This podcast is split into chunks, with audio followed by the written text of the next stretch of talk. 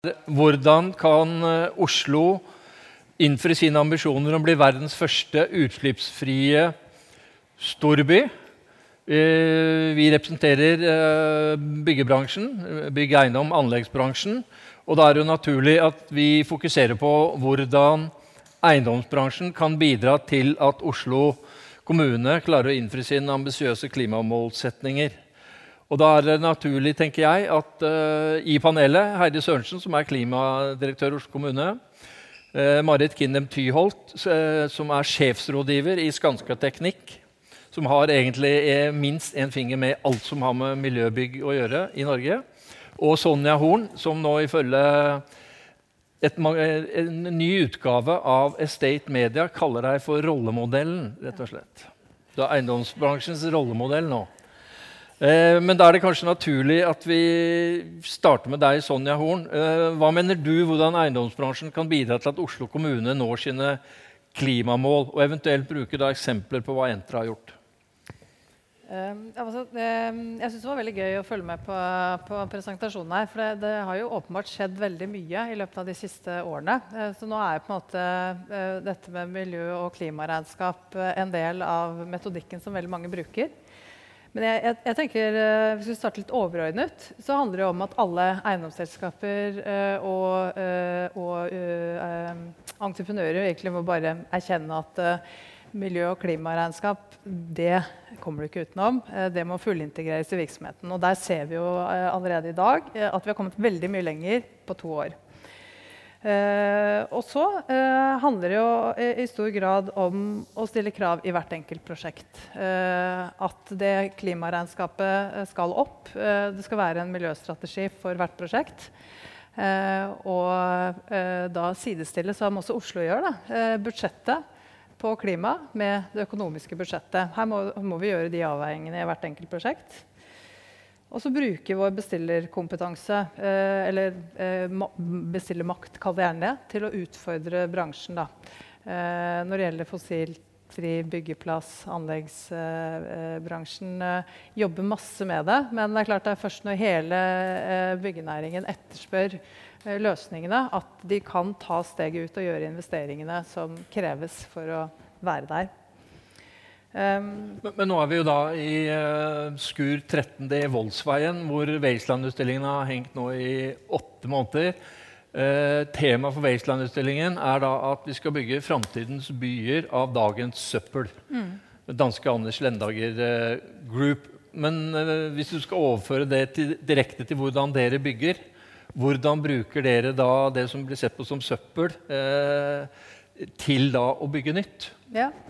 Altså, vi har jobba med klimaregnskapet i prosjektene våre over lang tid. Starta med de bærende konstruksjonene i prosjekter som ja, Media City, eh, Powerhouse på Kjørbo. Eh, og så så vi egentlig at vi hadde lyst til å ta det et steg videre etter at vi hadde Lendager på frokostmøte med Oma. Eh, og da eh, begynte vi å jobbe med Kristian Augusts gate 13 eh, som en, en tanke at eh, ok, hva skal til da, for å lage det vi kaller et Paris-proof bygg? Svare på det Heidi utfordrer oss på. Vi må bygge det som svarer opp Parisavtalen. Eh, og det er ambisjonen der. da, At vi, vi skal ha høyest mulig grad av gjenbruk eh, og upcycling. Slik at vi bygger et nytt bygg som skal fremstå som like attraktivt for kundene våre som et nybygg. Eh, ved å eh, bruke eksisterende bygningsmaterialer og ta vare på det som kan ta vares på. Um, og det var uh, flere grunner til at vi ønsket å gjøre det. Uh, for det første så, så vi at vi, vi, hadde behov for å utfordre leverandørbransjen for å få sparket i gang sirkulærøkonomien innenfor vår bransje. Uh, vi trenger en markedsplass. Den er ikke der. Og det er kanskje den, en av de virkelig store utfordringene. At jeg tror det er veldig mye vilje til å til å jobbe med eh, å bruke eksisterende materialer. Men det er vanskelig å finne dem. Det er veldig vanskelig å source, og det er veldig krevende eh, å jobbe med den materien. Og så har du regelverket som, eh, som, ikke er tilrettelagt for at vi skal kunne gjenbruke og ombruke. Vi utfordrer jo kraftig i det prosjektet regelverket i forhold til alt vi ønsker å ta i bruk. og der håper vi nå at vi også får et prosjekt som kan gå foran og, og flytte eh, regelverket. Uh, og så er det ikke minst uh, gjennomføringen. Da. Hva kreves det egentlig når du skal gjennomføre et sånt prosjekt? Fordi at du, en av de erfaringene som, som, vi kjenner veldig på, er jo at du må jobbe mye mer agilt i planleggingen og, og prosjekteringen. Da, vanligvis så jobber jo ingeniørene med å planlegge, prosjektere, og så bygger vi. Men her må vi hele tiden eh, tilpasse oss i forhold til de materialene vi får tak i. Så det er en ny måte å bygge på eh, som vi må lære oss. Eh, og forstå hvor er det god lønnsomhet i dette, og hva skal vi ikke gjøre igjen. Og det er like mye der. Vi kommer til å ta med oss ganske mye læring på at eh, det er ikke noe vits å bruke tid på disse tingene, men her skal vi legge inn fokuset videre. Mm. Bare et siste spørsmål. Er plan- og bygningsetaten, som eh, er naturlig hva skal de, forhandlingsmotpart, Eh, er de innforstått da med disse grønne kravene, eller legger de liksom eh, kjepper i hjulene, slik at det Heidi Sørensen som klimadirektør sier, er ikke nødvendigvis det som kommer ut av plansjefen? Jeg vil, altså vil si at uh, På Kristian Augusts gate 13 så er det et FutureBuilt-prosjekt hvor vi jobber veldig integrert uh, sammen med FutureBuilt og, og, Plan og bygg for å få til løsningene. Og, og så er det jo egentlig Direktoratet for uh, forvaltning av disse direktivene som vi må utfordre. Men de også ønsker å jobbe med oss. Men det er krevende materie, det er byråkrati. men det er klart at når vi jobber med med nybygg eh, og større prosjekter, så, så, vil det alltid være dilemmaer da, i forhold til uh, hva, hva, ønsker plan og bygg, og hva ønsker vi uh, som utbyggere? Og hva må vi ha uh, av økonomi i et prosjekt for å klare oss å ta investeringen i forhold til at det koster litt mer å, å, gjøre noen av disse miljøbyggene, særlig første gang. Marit Kindem Tyholt. Heidi Sørensen, som holdt da et innlegg, sa også da at dette med utslippsfrie byggeplasser er helt uh, avgjørende å få til. Hvorfor det? Hvis, uh, hvis uh, målet er å bli utslippsfri i en by, så snakker vi jo gjerne om de direkte utslippene. og da utgjør byggeplassene, ikke bare byggeplass, men også anleggsplassene, en, selvfølgelig en veldig stor andel. og det viste jo Heidi òg. Og det er jo noe byggenæringa har tatt ordentlig tak i. Eh, det fungerer jo sånn at når vi har eh, byggherrer som eh, har ambisjoner og som begynner å stille krav, og gjerne i dialog med næringa, hva næringa kan klare å strekke seg til, så begynner vi å få til noe. Og Oslo kommune har jo vært en betydelig foregangsaktør i den sammenhengen. Og også andres viktige aktører, private aktører som Entra, bl.a. Og når vi får en vi får noen sånne krav på oss, da får vi i gang en utvikling. Og den utviklinga, eh, da må vi jo gå til våre leverandører og begynne å utfordre dem. Så får vi også en konkurranse blant eh, leverandørene. Så veldig mye har jo skjedd på utviklingssida innen maskinparken bare på, på veldig få år. I dag er status at vi får fossilfrie maskiner opptil fem tonn. Dem er det ganske eh, enkelt å få tak i. Eh, eh, når vi går på større maskiner, kan det bli vanskeligere. De kan jo gå på, på biodiesel. Det er mulig. Men de større elektriske maskinene, enten på batteri eller på kabel, det, det er stort sett på prototypnivå nå. I går kom det ut en veldig bra rapport fra Sintef. Det passer veldig bra med arrangementet i dag. Det er en eh, rapport fra et forskningsprosjekt hvor eh, også Skanske har vært med, og Oslo kommune, eh, Zero Emission Digger. Der oppsummerer man erfaringene fra et prosjekt som har gått på å bygge om dieselgravemaskiner på både 17,5 tonn og 35 tonn. Da begynner vi virkelig å komme over på de store maskinene som vi bruker til grunnarbeider. Da begynner det å monne. Eh, mye men, gode men, erfaringer. Men, fordi det er litt sånn mystisk, ja. utslippsfrie byggeplasser. Og, ja. Men egentlig så handler det bare om å elektrifisere bulldoserne? Nei, eh, nei da, det er litt, nei da. Også vi kan skille på, på utslippsfrie og fossilfrie byggeplasser. Det er ganske greit å ha klart for seg. Fossilfrie, eh, det, det handler jo eh, om eh, Eh, å unngå bruk av, eh, av fossile eh, drivstoff, selvfølgelig. mens utslippsfrie, da snakker vi mer om den lokale forurensninga. Det får du også fra biodiesel f.eks. Så utslippsfri byggeplass da, det vil i praksis bety strøm, eller det kan være hydrogen, men det kan også være fjernvarme, som man bruker til byggtørk. man kan bruke varmepumpeanlegg. Man kan bruke solceller. Eh, så det er greit å ha det der, der klart for seg. Og så er, litt, eh, så er det viktig å ha med seg det om vi snakker om utslippsfrie, så må, så må vi ikke forbinde det med, eh, med klimanøytral eller utslippsfri i et sånn globalt perspektiv. Det er lokalt vi snakker om. Det er byggeplassene hvor systemgrensa er byggegjerdet, egentlig. Og, og, transport til og fra det er foreløpig utafor systemgrensa, men vi begynner også å utfordre leverandørene våre på varetransporten og, og, og kjøre det enten fossilfritt eller um, utslippsfritt. Herre Sørensen, altså, så nå har jo Fra og med nå så har eiendomsbransjen stilt seg bak deg og vil være med i dugnaden din. Ja. For å nå da eh, klimamålene om å bli nullutslippsby, verdens første storby som skal, skal være nullutslippsby. Eh, hva tenker du eh, veldig ofte når man skal da endre en næring? Eh, I Norge så roper man på virkemiddelapparatet. Og Det kom også opp om når vi fikk presentert Forusparken-prosjektet. Eh, hvor Eno, særlig Enova Men det er sånn eh, Hva er det du kan gi bransjen? Altså, Virkemiddelapparatet i Oslo er jo ganske skrapa. Eh, men hva kan dere gjøre egen, for bransjen? Er det noe egentlig det? Altså det, altså sånn, bare, det, vi skal gjøre for å ta de 20 prosentene, det er å ta, lage byggeplassene utslippsfri. Vi skal elektrifisere noen maskiner det, noen kan si at det var ikke så mye å be om heller. Det, kanskje er det heller ikke teknologisk kjempevanskelig. Men eh, da vi vet at de første prototypene er dyr Nå har vi kontorer, så vi har liksom hatt eh, førstehånds utsikt til den utslippsfrie byggeplassen i Ola 50 gate som eh, det kom rapport på i dag.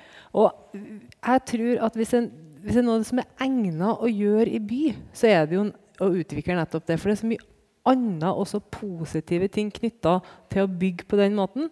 Når du skal gjøre det rett ved siden av der folk bor. Eh, det, er ikke, det, er relativt lite støy. Eh, det er ingen dieselos. Det går ingen aggregat og dure. Og det eh, har vært en, også en betydelig turisttilstrømning for å se på hva som skjer. Men det er også kvaliteter i by som kanskje kan gjøre det lettere for byggenæringa å komme til på steder hvor det ofte kan være kontroversielt å komme til. Så, men så vet vi det når man skal pigge opp asfalt, uansett om man gjør det med en elektrisk maskin eller ikke. Så, så det høres. Det har vi som sitter hver eneste dag og hører på. Det, det vet vi. Vi har tatt i bruk de virkemidlene vi har, eh, som er det sterkeste vi har. Eh, innkjøpsmakten. Vi stiller krav om at det skal være fossilfritt alt. Og fra eh, 2025 skal alt Oslo sjøl bestille, være utslippsfritt. Altså gå på elektriske og ha null, null lokale utslipp også. Eh, det, er, det, er, egentlig å prøve å putte penger Det er på en måte å bruke det første, viktigste vi har. Så er det, noe, er det jo artig å se at uh, statlige myndigheter kommer etter. I går kom nyheten om at uh, Innen 2025 så skal det være forbudt å bruke fossilanlegg anlegg diesel. Så jo, da får vi litt nasjonal drahjelp. Og så utforsker vi mulighetene gjennom plan- og bygningsloven til å stille krav om både fossilfri og utslippsfri. Får vi til det, så kan vi ta de 20.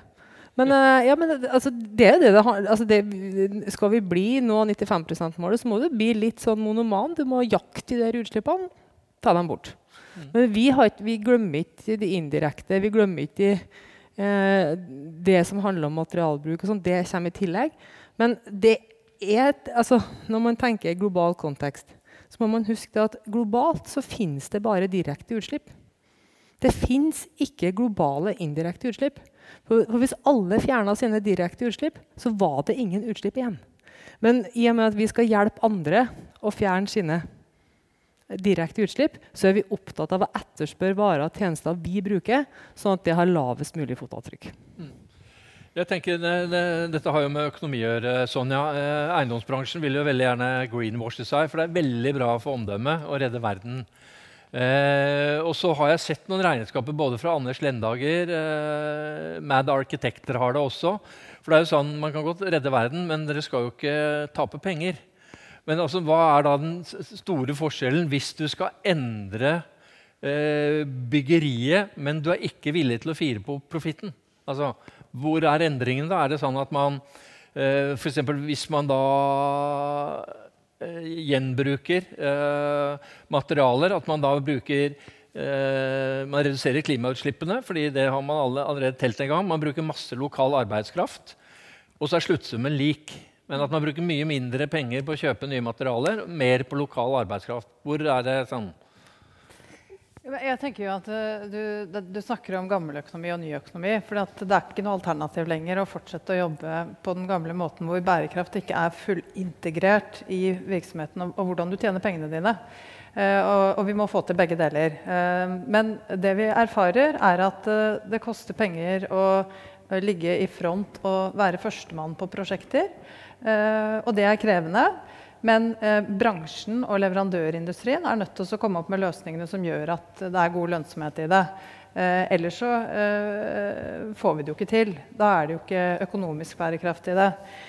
Um, men jeg syns det er viktig å, å, å, å, snakke litt mer om det indirekte. For det er klart at uh, når vi gjør vårt regnskap, og Oslo kommune har gjort sitt regnskap, Entra har gjort sitt klimaregnskap, og vi ser jo at uh, 80 av våre eh, CO2-utslipp er jo knytta til energiforbruket i porteføljen vår. og 11% til avfallshåndteringen vår. Sånn at Den viktigste jobben vi egentlig gjør i forhold til å ta ned vårt eget CO2-fotavtrykk, er å jobbe med eksisterende forvaltningsportefølje og få ned energiforbruket der. Jobbe med eh, løsninger for å få til det. Eh, og også sørge for at vi bruker minst mulig materialer og får minst mulig avfall eh, ut som ender opp til forbrenning. Mm. Det er mange av Jeg er helt enig i det. Men det er også noen utfordringer som eh, når vi snakker på eksisterende bygninger. For det er jo der det store energiforbruket ligger og kommer til å være. Og vi har bygd mye som ikke har vært så veldig intelligent. Så eh, en av de utfordringene som vi jobber med, er jo å få nasjonalt gjennomslag for det noen har lansert som en rehab-tech. Mm. Altså en teknisk forskrift for rehabilitering Sånn at vi kan uh, rehabilitere og ta godt vare på materialer på en, og samtidig få dem gode og energieffektive. Ja. Det ligger i skuffa i et departement. Så hvis, uh, hvis næringa vil uh, ønske seg det, så jeg tenkte jeg må sende den beskjeden at da må noen banke på noen politiske dører og si at dette kan være noe som også eh, næringa sjøl vil ha interesse av og ønske. Ja. Marit, jeg bare tenker Anders Lendager. Uh, Altså Når de går inn og skal bygge nytt, så lager de et ressursregnskap. Altså De ser på hva er det som da man kan bruke. Eh, de sier eh, bramfritt mellom 75 og 80 prosent. og Det vil si egentlig at vi nærmest skal slutte å rive bygg. Alt skal egentlig da transformeres nesten til det ugjenkjennelige. Altså, sånn, hvor går en eller annen tåle tålegrense, eller burde du stille krav på hvor mye da som skal være oppvinning eh, når man skal da gå i nye bygg? Og det står et gammelt der, at det ikke skal bygge et helt nytt? Det der er det ikke noe enkelt svar på. Selvfølgelig ikke. Eh, og alle eksisterende bygg er jo forskjellige. Noen egner seg for å rehabilitere og gjenbruke, mens andre kan ha store utfordringer. Men framover er det ingen tvil om at eh, terskelen for å rive Eh, må bli høyere. Vi merker jo det at det begynner å bli et trykk og fokus ute i næringa. Og vi omstiller jo oss vi nå framover til å være mye mer skodd for å ta rehab-markedet. Uh, uten tvil. Uh, men uh, ja. Jo, men, men det, det, går jo egentlig på Skal man også begynne å stille krav til gjenbruk, eller er det sånn Nå sier man da, også Heidi Sørensen sier at Eh, det er ikke ønskelig lenger, jeg husker ikke formuleringen, men det er ikke ønskelig, men skal det også for ha inn i plan- og bygningsloven? Er det sånn? Det er faktisk krav i plan- og bygningsloven i dag. Vi har en paragraf 9-5. Den gjelder riktignok for nye bygg, men du kan også bruke den for et hvilket som helst eh, byggeprosjekt. Det er en paragraf som går på avfall, og der heter det for det første så skal du, du skal minimere avfallet. Det er det ene. Det andre så skal du tilrettelegge for, uh, for uh, ombruk og gjenbruk står det faktisk. Så det er en paragraf som kommunen bare kan begynne å ta i bruk. Sånn, ja. Jeg, jeg tenker at Det kanskje er her vi kommer til å få de største dilemmaene egentlig, i forhold til byutvikling og eh, gjenbruk, ombruk. Da. Fordi eh, det står også i Oslo kommunes eh, miljømål at det med grønn mobilitet og fortetting på knutepunktet er en, en del av løsningen. Og det er klart at eh, Når vi ser på prosjekter som ikke egner seg for, for å skape volumer eh, med eksisterende bygningsmasse, så må vi også jobbe med eh, å få opp løsninger der vi kan gjenbruke materialene andre steder. ikke sant? Eh, eller f.eks. ta betong og trevirke, da, som er de største eh, kategoriene i forhold til eh, ting som går på deponi. Eh, så jobber vi nå veldig eh, konkret med Norsk Gjenvinning om å komme opp med løsninger på industrialiserte lavkarbonbetong. ikke sant? Eh, Lendager har vel gjort det i Danmark eh, på noen av sine prosjekter. Men det å få industrien med da, på at eh, ok, du kan rive dette bygget, men den betongen går faktisk inn i å bli lavkarbonbetong. Få til den type løsninger. Også, så må det også være en del av bildet når vi sitter og diskuterer skal vi få lov til å rive dette bygget som ikke egner seg. Det møter ikke kravene til dagslys. Det møter ikke fortetningsønskene våre i forhold til å ha eh, høyere hus nær kollektivknutepunktene. Så Det blir en del spennende diskusjoner fremover. og Der eh, håper jeg at vi også vil se at Oslo kommune velger en pragmatisk holdning til det. At ikke det blir sånn nå skal alt bevares, fordi det er det vi jobber med. Vi må også evne å, å se på det langsiktige bildet og eh, utfordre industrien da, til å komme opp med løsninger for eh, eh, resirkulering og gjenbruk. Men det er jo Jeg si jeg var, var ja. med Raymond i, til København i, i fjor høst, og så traff vi ordføreren i Vancouver. Og da må jeg innrømme at uh, han var veldig imponert over den elektriske gravemaskina. Men Raymond var imponert over det han fra Vancouver snakka om som The Deconstruction Industries. Ja. Hvor de hadde fått opp hele industrier som jobba systematisk med å finne den type løsninger. Ja. Så det er nok et meget velkommen type initiativ. Ja. Men, men jeg tenker også da, ja, før jeg slipper deg eh, For dette er jo eh, at alle, ingen byer skal bli revet. Eh, alle byer skal nå bare transformeres. Vernemyndighetene, både nasjonale og i Oslo, jubler. For nå er liksom tiden på deres side. Og så hadde vi da en arkitekt fra Hedwig Studios, som også har gjort da Kings Cross. Og som da sier at eh, nei, snarere tvert imot. Hvis man ikke skal bygge nytt, så kreves det enda større transformasjon av eksisterende bygningsmasse. Så vernemyndighetene må bli pragmatiske, ellers så skjer ikke moderne byutvikling. Eh, ja, Marit. Jeg vil jo bare legge til at eh, Vi har jo veldig mye fokus nå på, på gjenbruk av eksisterende eh, materialer og, og konstruksjoner. Men vi bygger jo i rasende tempo, eh, som eh, du viste til ikke sant, i dag. Det er en, en ny, ny Stockholm hver uke. Eh, og det her, her blir jo en bygningsmasse som vil vokse fremover. Og vi må forberede oss nå på at eh, når den bygningsmassen en gang eh, blir eh, gammel, og kanskje skal rives, så må vi kunne plukke den ned igjen. Altså at vi tenker at vi låner ressurser nå fra framtidige generasjoner. Eh, og det må vi begynne å forberede oss på nå. Det er en ny ting. Også, det, vi vet uh, hvor, uh, hvor eh, krevende det er å plukke ned de hulldekkeelementene fra regjeringskvartalet. Det er forferdelig kostbart, og det handler veldig mye om, om sikkerhet også. Det er en lang prosess.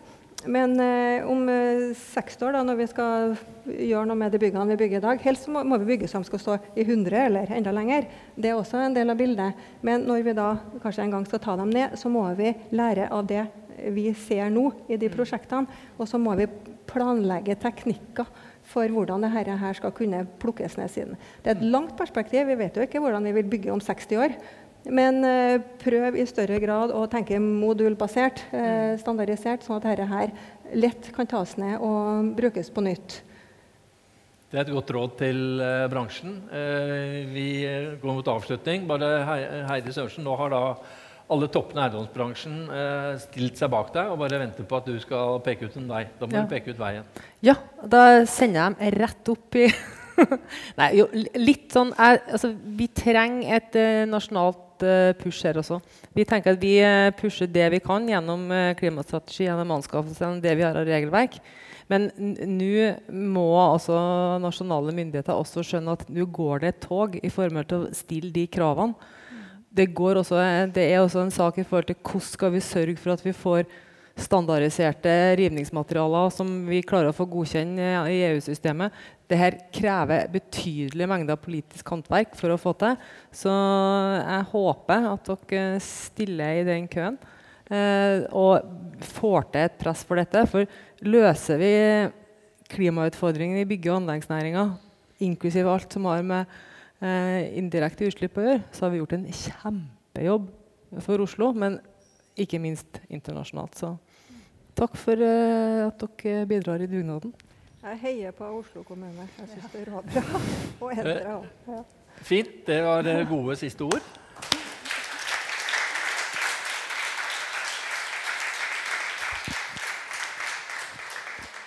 Og fordi det er podkast og vi ikke har eh, mikrofon rundt omkring, så blir det ingen spørsmål. Så derfor nå, eh, da går orden ut til alle dere. Nå er det øl og burger ute. Takk for at dere kom.